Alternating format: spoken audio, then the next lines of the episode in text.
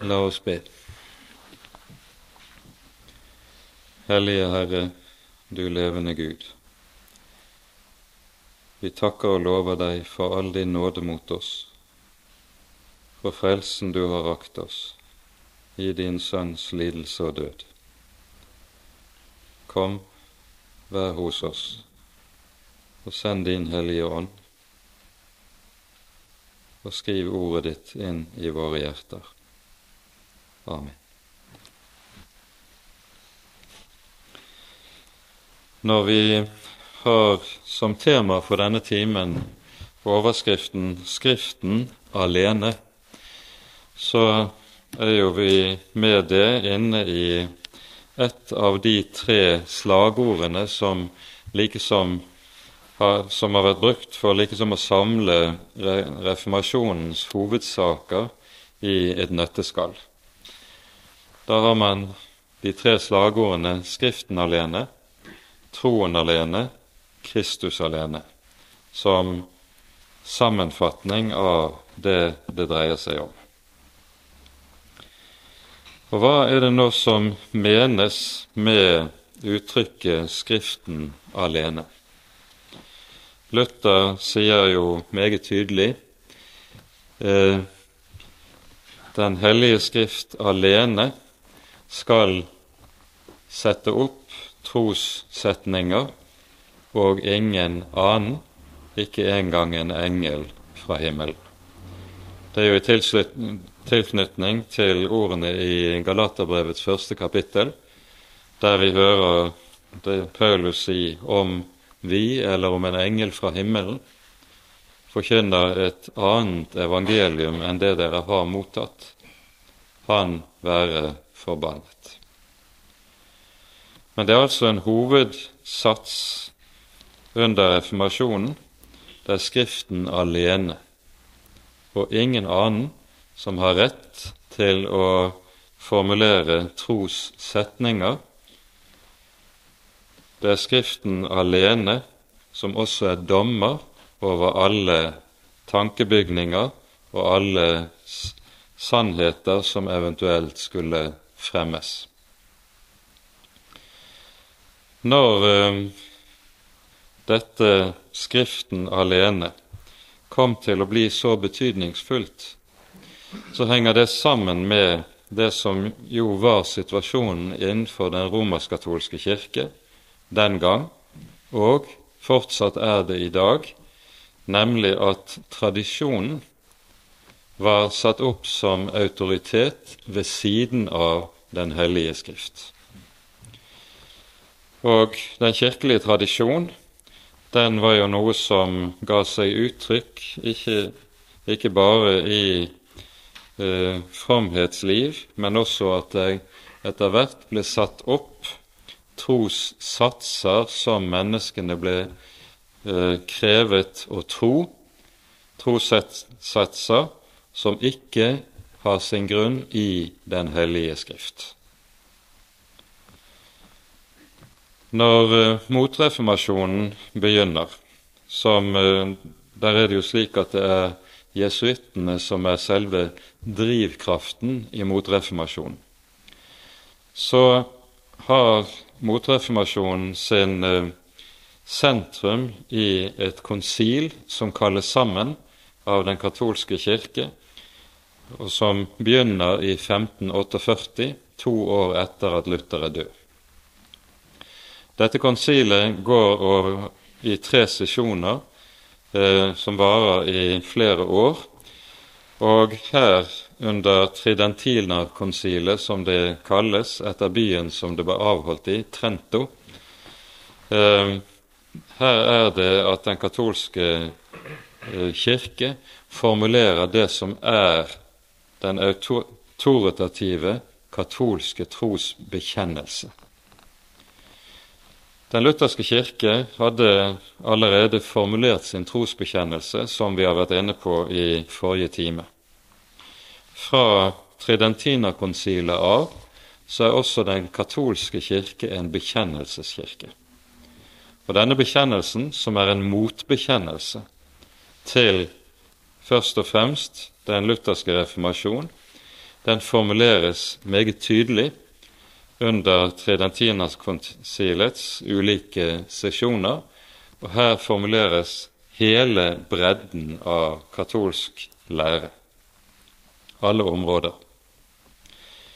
Og Når det gjelder talen om Den hellige skrift, så er det da slik at i den tredentinerkonsilet så listes derfor det første opp hvilke bøker som hører til Den hellige skrift.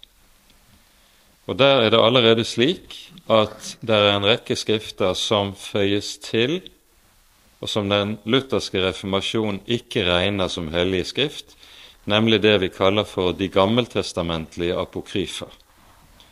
Det er Makabeerbøkene, det er Judits bok, Tobits bok, Jesus Siraks sønns visdom osv. Alle disse skriftene de regnes blant de kanoniske, de hellige skrifter, i den romersk-katolske kirke. Innen lutherdommen har disse skriftene aldri vært anerkjent som hellige skrifter. Det Martin Luther skriver om dem at de er gode og oppbyggelige skrifter som kan være nyttige å lese, men de er ikke hellige skrift, og kan derfor heller ikke regnes som Guds ord med den autoritet det har at noe er Guds ord. For det andre så formuleres det altså i Tridentinakonsilet at den kirkelige tradisjon har samme autoritet som Den hellige skrift og skal æres med samme pietet som en ærer Den hellige skrift. Dette er læreformulering og Denne læreformuleringen stadfestes også av det annet Vatikankonsil i, på begynnelsen av 60-tallet i forrige århundre. Hva er det som er noe av den teologiske bakgrunnen for læren om tradisjon? Det møter vi i en strid som Luther kom til å stå oppe i i 1520-årene. I 1524 kommer det ut et skrift forfattet av samtidens største lærde, Erasmus av Rotterdam. Skriftet hans har tittelen om den frie vilje. Det er Libro arbitrio. Og det er et skrift der Erasmus går til radikalt motangrep mot Luther og Luthers teologi. I 1525 så svarer Luther på dette Erasmus sitt angrep med et skrift som får tittelen om den trellbundne vilje. Og når Luther ser, senere ser tilbake på sitt forfatterskap, så mener han at dette skriftet, sammen med Lille katekisme, er det beste han har skrevet noen gang. I skriftet om den frie vilje så hevder Rasmus med stor styrke at Bibelen, Den hellige skrift, er uklar. Og Derfor kan vanlige mennesker ikke forstå Den hellige skrift. Man trenger en autoritet, en myndighet som på autoritativt vis kan fortolke Skriften og lære oss hvordan Den hellige Skrift skal forstås, for at vi ikke skal fare vill. Og hvem er det denne som representerer denne autoritet? Jo, det er paven. Og Paven har det med seg at han så å si er den som her på jorden skal legemliggjøre det som er den kirkelige tradisjon. Følgelig så begrunnes tradisjonen i pavens embete, og pavens embete begrunnes i tradisjon. De begrunner hverandre gjensidig. Men hele begrunnelsen henger altså på tesen om at Den hellige skrift er uklar og må ha en autoritativ fortolker. I skriftet om den trellbundne vilje når Luther altså svarer Erasmus, så hevder Luther med stor styrke at Den hellige skrift er klar. I alt som angår troens hovedsannheter som har med og som er nødvendig for oss å vite til liv her i verden og til frelse for evigheten, i alle slike saker er Den hellige skrift klar. Derfor trengs det ingen instans utenom Skriften, i tillegg til Skriften, og som dermed også får en autoritet ved siden av Skriften, i realiteten jo over Skriften. Fordi denne fortolkningsinstans, tradisjonen, jo viser seg om igjen og om igjen å formulere læresetninger som er i strid med Skriftens klare ord. Skriften er klar, sier Luther. Av den grunn kan Luther også hevde med stor styrke at teologiens mor, det er grammatikken. Den som skal lese Den hellige skrift og forstå Den hellige skrift rett, han må kunne språket, og han må kunne grammatikk. Så spisst kan Luther formulere seg om denne saken. Og Derfor har jo også i den lutherske kirke det alltid vært slik at de som skal utdannes i teologi, de bør lære grunnspråkene å kjenne og lese dem grundig, kunne dem grundig for teologiens mor er grammatikken. Sammen med dette hører et veldig oppgjør som Luther kommer til å ha med middelalderens måte å lese Den hellige skrift på, nemlig det som heter allegorien. Hva er allegorien? Allegori det er en måte å lese Bibelen på der en hevder at det som er tekstenes bokstavelige og naturlige mening når du leser tekstene, det er ikke det som er deres egentlige mening. Tekstenes egentlige mening det er en åndelig mening som ligger bakom teksten, og som det er om å gjøre å kunne trenge bakom til for å forstå rett. Noe som førte til at skriftutleggelsen kunne komme til å bli særdeles vilkårlig. Det som Luther på ny og på ny kommer til å drive med stor styrke, det er at skal Den hellige skrift leses rett, så skal du lese den etter dens bokstavelige, enkle og naturlige mening.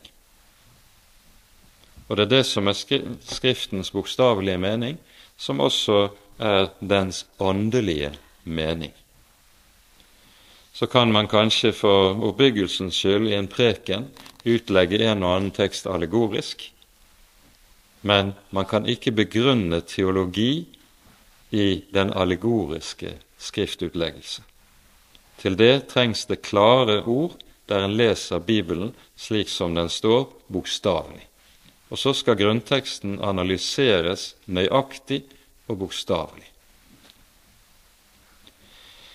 Dette førte til at reformasjonsfedrene, de lutherske fedre, kom til å arbeide meget grundig med Den hellige skrift. Og veldig mye av reformasjonens arbeid i Skriften det handlet om å forstå de ulike ord og begreper i Skriften nøyaktig. Vi kan ta et enkelt eksempel for å illustrere dette. I katolsk teologi, så vil en kunne si meget enkelt og likefrem et menneske frelses av nåde alene.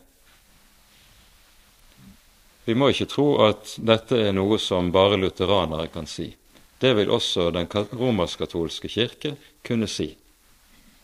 Problemet er bare det at han legger noe helt annet i begrepet nåde i romersk tradisjon enn det en legger i begrepet slik den lutherske bekjennelse forstår ordet.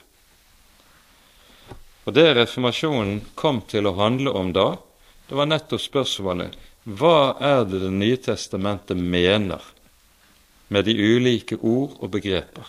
Hva er det som ligger i begrepene slik Det nye testamentet anvender det?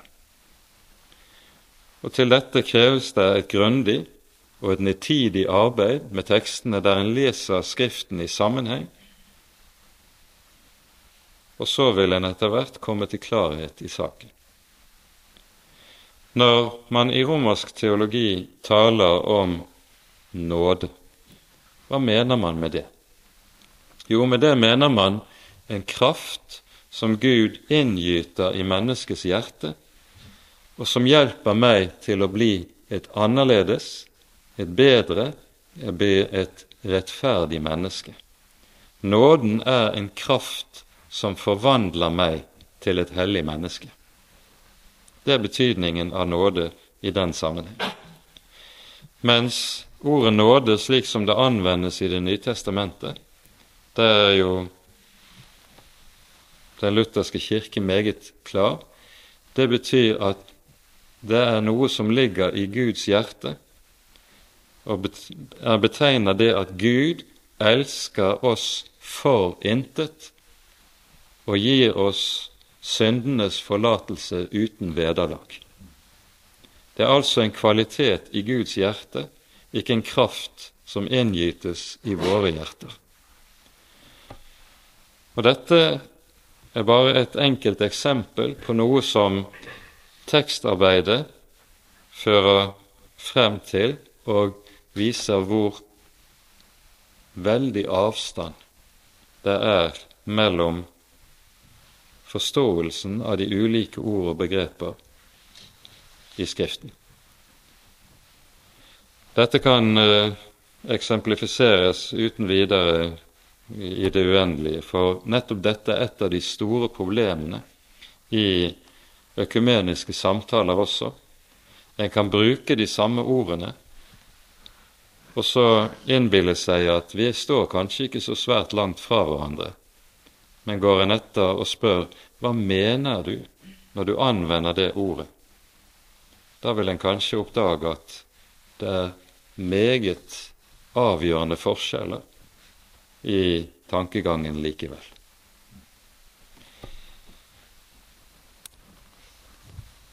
Den lutherske sola scriptura, Skriften alene, det er en avvisning av at tradisjonen har autoritet ved siden av eller over Den hellige skrift. Det er en avvisning av, også av det pavelige embetet, som den autoritative fortolker av Skriften. Hvem er da den autoritative fortolker av Skriften? Det er Skriften selv. Skriften er sin egen fortolker, er en grunnleggende tese innenfor lutherdommen. Fordi hvis du skal ha en autoritet utenom Skriften, da vil denne autoritet i praksis alltid komme til å bli stående over Skriften. Skriften med sin autoritet hviler i seg selv, og Skriften skal og må stå alene, og dens autoritet kan ikke og skal ikke begrunnes i noe som er utenfor den selv.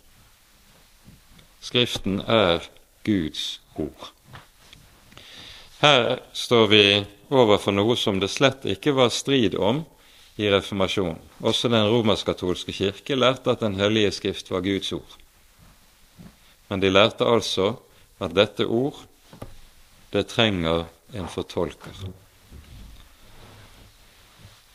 Læren, eller talen om Skriften alene det innebærer samtidig med dette at Den hellige skrift kommer til å bli et kirkekritisk prinsipp. Og det er noe man ikke alltid er oppmerksom på i våre dager.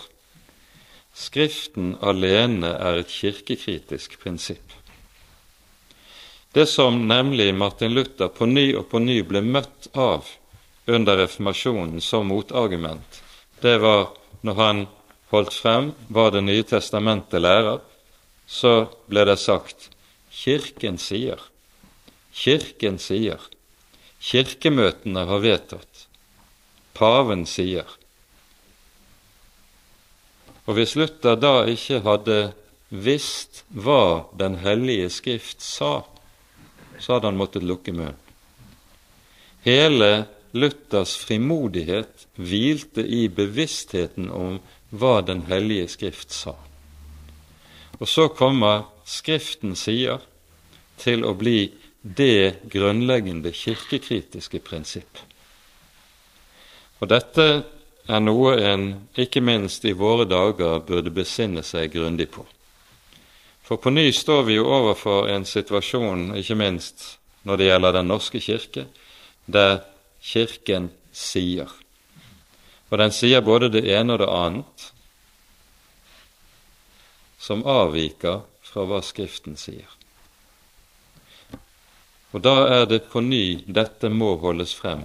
Skriften sier. Og der Kirken ikke bøyer seg for det Skriften sier, der er Kirken blitt en løgnkirke. Slik tenkte og talte Luther, for vi skal være klar over at hele vår tids, eh, den, det som er situasjonen i vår tids kristenhet, med de utallige ulike kirkesamfunn, det var noe som var en situasjon som jo var Luther helt fremmed. For ham var det bare to kirker. Det er den sanne kirke, den som lever av evangeliet og forkynner evangeliet, og så er det løgnkirke. Det er kun de to kirker som finnes. Slik tenkte reformasjonsfedrene, og eh, i dette er Luther ikke en som finner opp noe nytt. Han har lest meget av dette allerede hos Augustin, som han skylder svært meget av sin teologiske tenkning.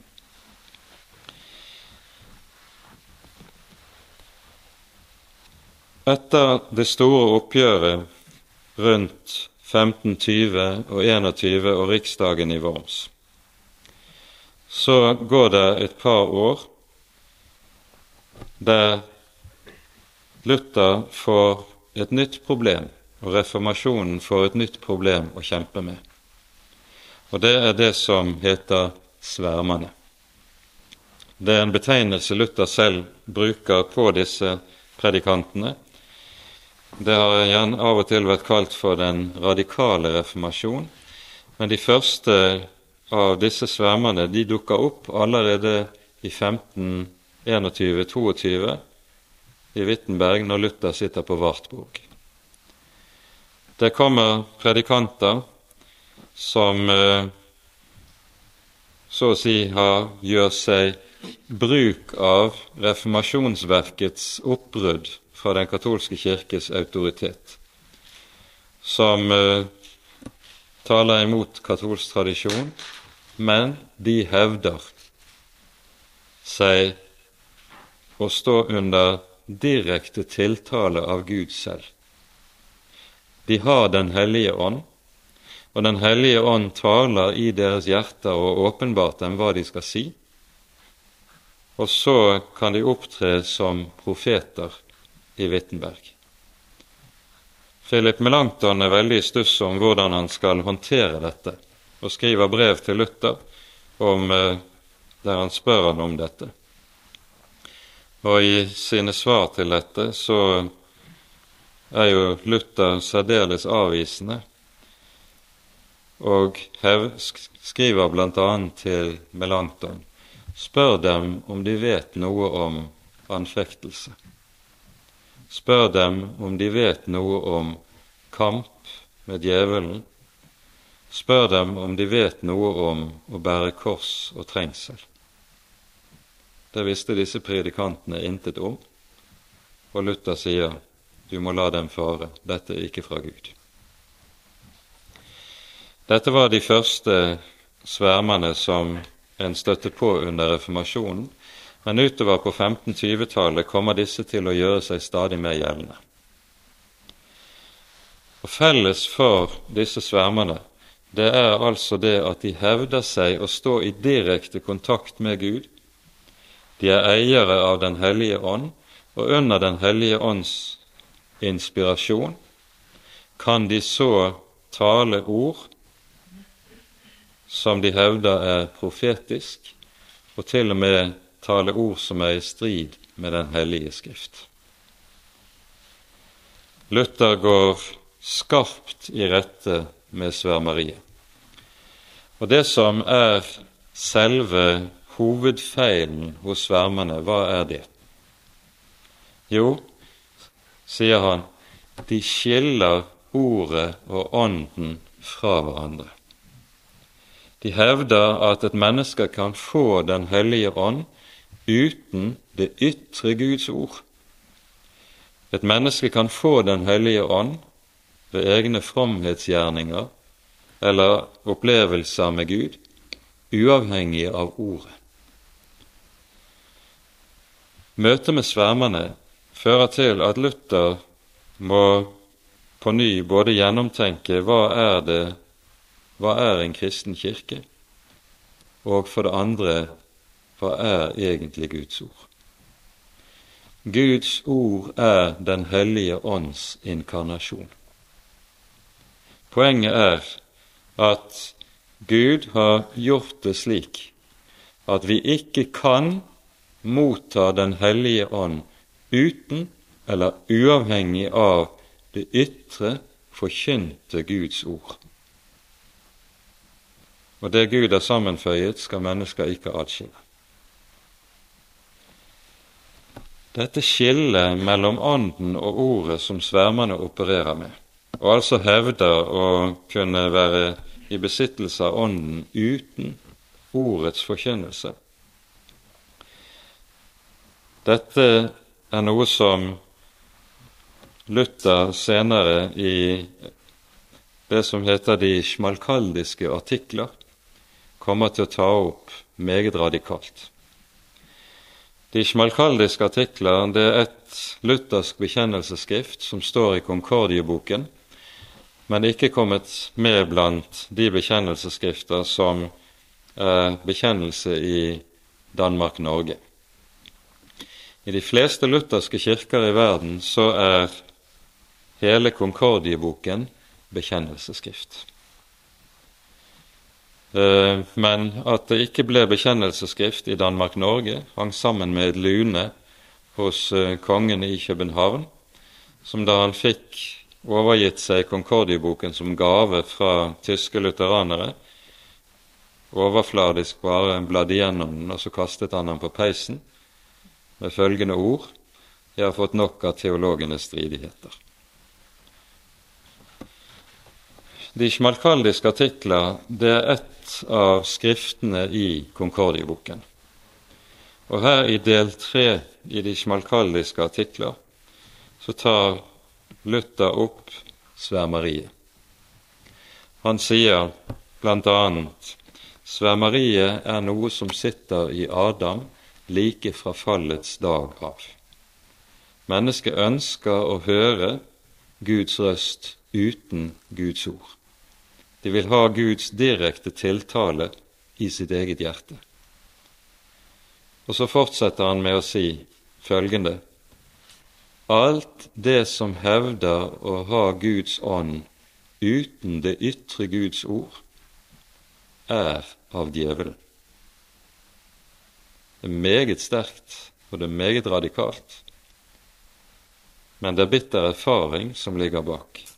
Og Samtidig er det jo da også slik at når Luther hevder denne enhet mellom Ånden og Ordet, så er det ikke en teologisk tanke som han har funnet på av seg selv, men det er tvert om noe som ligger allerede i Det nye testamentets selvvitnesbyrd.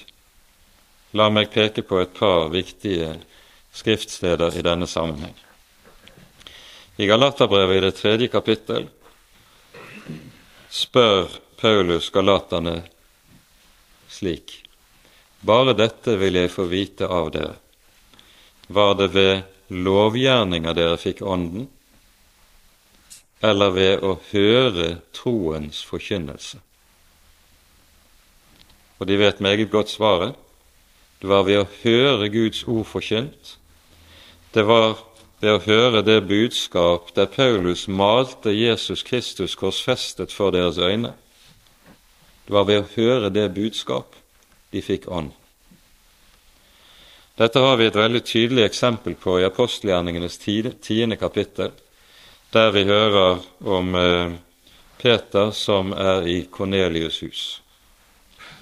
Og når Peter her holder sin tale, så lyder det på slutten av talen når Peter vitner om Jesus og sier at ham gir alle profetene det vitnesbyrd, at de mennesker får syndenes forlatelse i hans navn. Og så står det i verset etterpå da de hørte dette, falt Ånden på alle dem som hørte ordet. Det er nøyaktig samme sak som tegnes for oss i Galaterbrevets tredje kapittel. Ånden kommer med ordet, det ytre, lydlige ord som lyder i evangeliets forkynnelse. Der er Den hellige ånd gitt. Vår Herre Jesus lærer oss det samme i Johannesevangeliets sjette kapittel, der det sies i Johannes 6, 63 følgende Det er Ånden som gjør levende, kjødet gagner intet. De ord jeg har talt til dere, er ånd og er liv. Jesus sier altså ikke at ordene handler om ånd og liv, men han sier at ordene er ånd og er liv. Hvilket altså innebærer at når du lytter til disse ord, så får du del i den ånd som ligger i ordene. Når du lytter til disse ord, så får du del i det liv som disse ord er bærer av. For ordet er virkekraftig fordi Ånden er forenet med ordet. Samme sak er det også som ligger i de kjente versene i 2. Timotius brev, i det tredje kapittel, der det står hele Den hellige skrift er inspirert av Gud, står det vel i den nye oversettelsen i Norsk bibel. Eh, er innåndet av Gud, står det i den eldre oversettelsen. Det ordet som anvendes i grunnteksten, det er bokstavelig Gud innåndet. Den hele Skrift er Gud innåndet. Det som har vært vanlig i, i protestantisk tradisjon, det er å anvende dette ordet som grunnlag for læren om Bibelens inspirasjon. Og det er det i høy grad grunnlag for og dekning for. Det er Den hellige ånd som har inspirert de bibelske forfattere på en slik måte at det ord de skriver ned, er Guds ord. Men det er ikke bare det som ligger i dette. Det at Skriften er Gud innåndet, det innebærer også at Guds hellige ånd så å si blåser ut fra Skriften på den som leser Skriften og lytter til dens budskap. Fordi Ordet og Ånden er forenet, det er Gud selv som har skapt denne forening. Av denne grunn er svømmeriet livsfarlig, fordi det fører mennesket bort fra det ytre, det skrevne Guds ord, til åndelige opplevelser i sitt eget hjerte, der en innbiller seg å kunne høre en eller annen guddommelig røst i sitt indre. Slike røster fører mennesker bort fra avhengigheten av det skrevne Guds ord. Og så bruker altså Luther benevnelsen svermeri på dette for å lære oss at det er Skriften alene som er autoritet. Autoriteten ligger verken i en kirkelig tradisjon eller i superåndelige menneskers tro på at de kan høre Guds direkte tiltale i sitt eget indre. Det er Den hellige Skrift som er bærer av Ånden, og det er der vi møter den levende Gud. Og vi forstår at dette er noe som sannelig er aktuelt i våre dager, der svermeriet i høy grad gjør seg gjeldende også hos oss innen store deler av det som kalles for den karismatiske bevegelse, som nettopp har det med seg at den også løser Ånden fra Ordet og det er ikke sjelden vi i våre dager får høre mennesker påstå seg å høre Guds røst i sitt eget hjerte, og hevder å kunne frembære noe som er en slags profetisk tale, der de står under direkte tiltale av den levende Gud.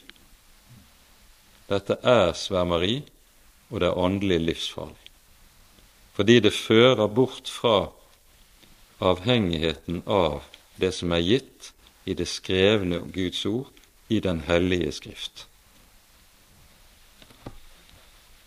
Dere vet selv om aktualiteten i disse ting.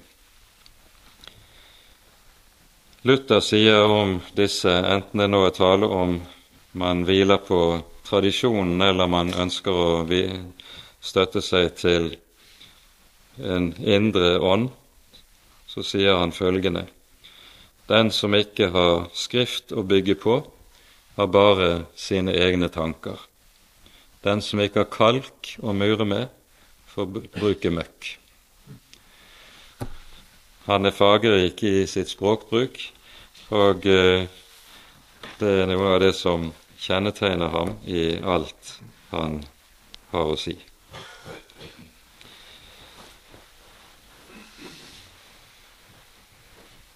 Det at Skriften alene er det kristne menneskets autoritet. Det skal være den kristne kirkes eneste autoritet.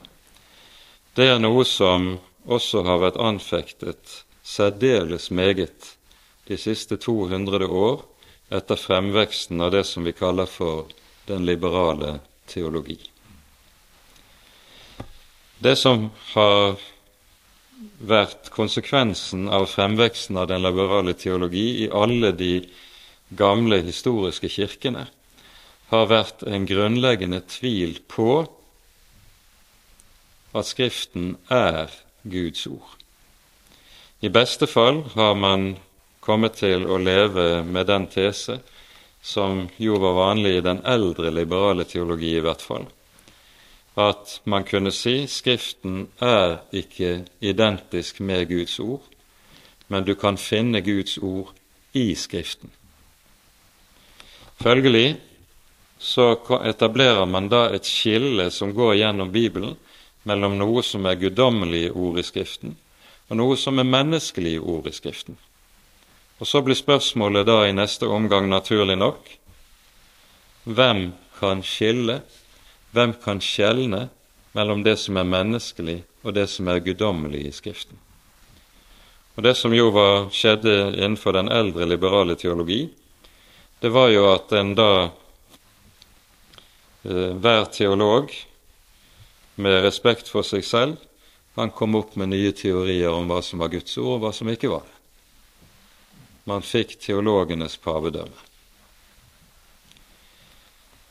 Senere hen er det etter hvert blitt slik at en mer allment avviser hele tanken om at Bibelen er Guds ord, men i stedet sier Bibelen er vitnesbyrd om hvordan mennesker i gagne tider tenkte om Gud og vitnet om Gud. Følgelig, Bibelen reduseres til menneskelige vitnesbyrd, og altså menneskelige meninger om det som er det guddommelige, og har dermed heller ikke annen autoritet enn at det har vært æret av, det, av den kristne kirke gjennom historien, men denne autoritet er ikke bindende. Og så kan man innen de ulike kirkesamfunn si seg fri fra Bibelens autoritet, fordi vi jo i våre dager vet så meget bedre. Dette er en grunnholdning til Bibelen som er livsfarlig, og som fører til at vi både taper det som er reformasjonens formalprinsipp, Skriften alene skal ha autoritet. For det som får autoritet i stedet da, hva blir det?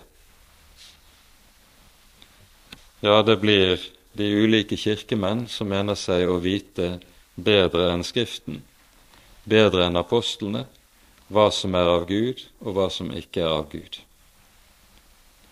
Og Som regel blir det da slik at det er det som er tidsriktig, og som er politisk korrekt, som blir det som er guddommelig, og som er Guds vilje, og det som ikke passer samtiden, og som ikke er populært, det hører hjemme på historiens skraphaug.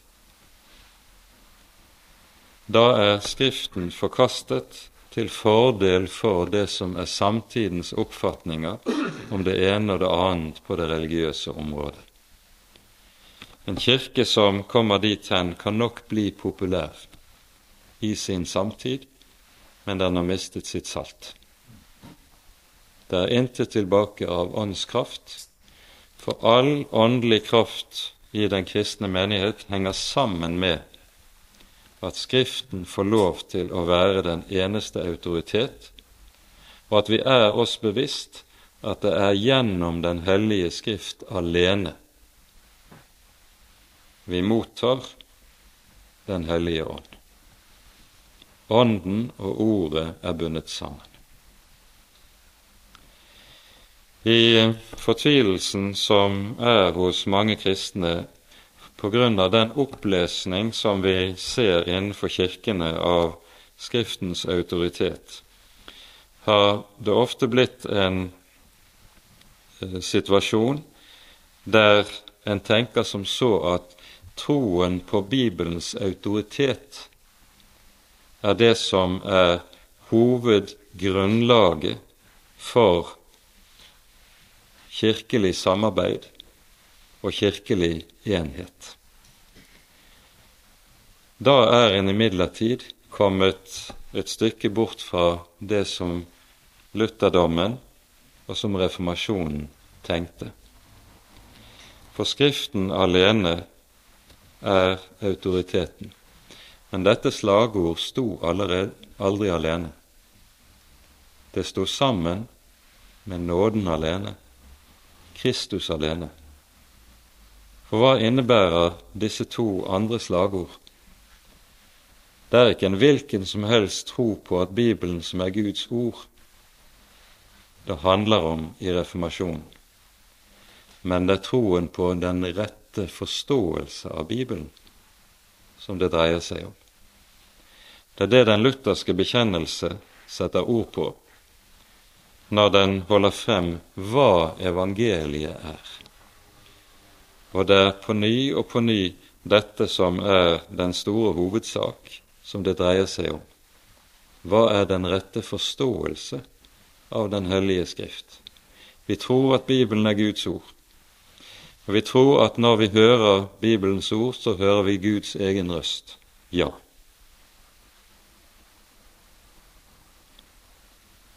Men det er også et stort men. For det er jo slik, og dette er noe som uh, man allment erkjenner også innen forskningen Når du står overfor tekster, så er det alltid et spørsmål hvordan skal tekstene forstås? Gis det en tolkningsnøkkel til tekstene? Og her vil den som har arbeidet med teologihistorien, han vil vite at det oppover gjennom teologihistorien har vært anvendt en rekke ulike tolkningsnøkler på Bibelen. For å illustrere hva vi står overfor her, så kan vi peke på hva som var situasjonen blant de første kristne. De første kristne, hvilken bibel hadde de? Det fantes intet Nytestamentet. De hadde Det gamle testamentet. Det var det som var deres bibel. Og Da står du overfor den situasjonen at du har to religioner som har den samme hellige skrift. Jødedom og kristendom. De har den samme hellige skrift, men de leser denne skrift helt forskjellig. Hva er årsaken? Årsaken ligger i at de har ulik tolkningsnøkkel. Og Det som kjennetegner den kristne menighet, det er at den vet seg å ha fått tolkningsnøkkelen til Den hellige skrift av den Herre Jesus selv. Vi hører i Lukasevangeliet kapittel 24 om hvorledes Jesus først møter Emmausvandrerne, og deretter hele apostelkollegiet som sitter bak stengte dører. Og så står det om Herren da opplot han deres forstand, så de kunne forstå Skriftene. Og det er bakgrunnen til at den kristne kirke, den kristne menighet, kommer til å bli en annen religion enn jødedommen. Det er Jesus som har åpnet deres forstand så de forstår Skriftene. De har fått en ny tolkningsnøkkel til Bibelen. Og det er dette reformasjonen er seg klart bevisst. Og hva er det denne tolkningsnøkkel til Den hellige skrift heter? Den heter lov og evangelium. Og Dette er en tolkningsnøkkel som Bibelen selv gir oss. Det er ikke kloke teologer som har funnet på denne av seg selv, men den er gitt av Skriften selv. Og Det er helt avgjørende å være klar over for det er det Paulus gir oss først og fremst i sine to hovedbrev, Romerbrevet og Galaterbrevet. Når du leser alle sitatene fra Det gamle testamentet i disse to brevene, hva er hensikten med disse sitatene? Det er ikke primært å vise at det han lærer, er i samsvar med Skriften, men det er å lære menighetene hvordan de skal lese, hvordan de skal forstå Skriften. Det er det som er nøkkelen i Romerbrevet og Galaterbrevet. I Konkordieboken sies det slik om dette. I Konkordieformelen er det eget kapittel om lov og evangelium. Og det står om lov og evangelium i innledning til dette kapittelet følgende. Forskjellen på lov og evangelium er et særlig herlig lys som tjener til at troen blir rett forkynt og Skriften rett forstått. Ja, nettopp det.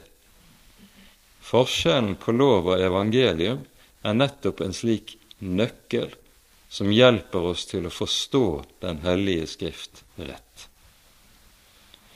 Og Da vil de av dere som var til stede under den første timen, huske hvordan vi leste Matteus 19, fortellingen om den rike unge mann, og hvordan denne teksten står frem for oss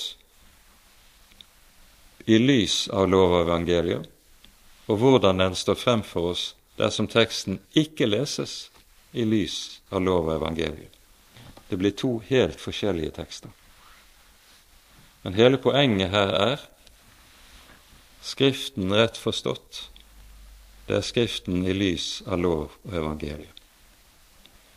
Så står Skriften alene der som den kristne menighets eneste autoritet.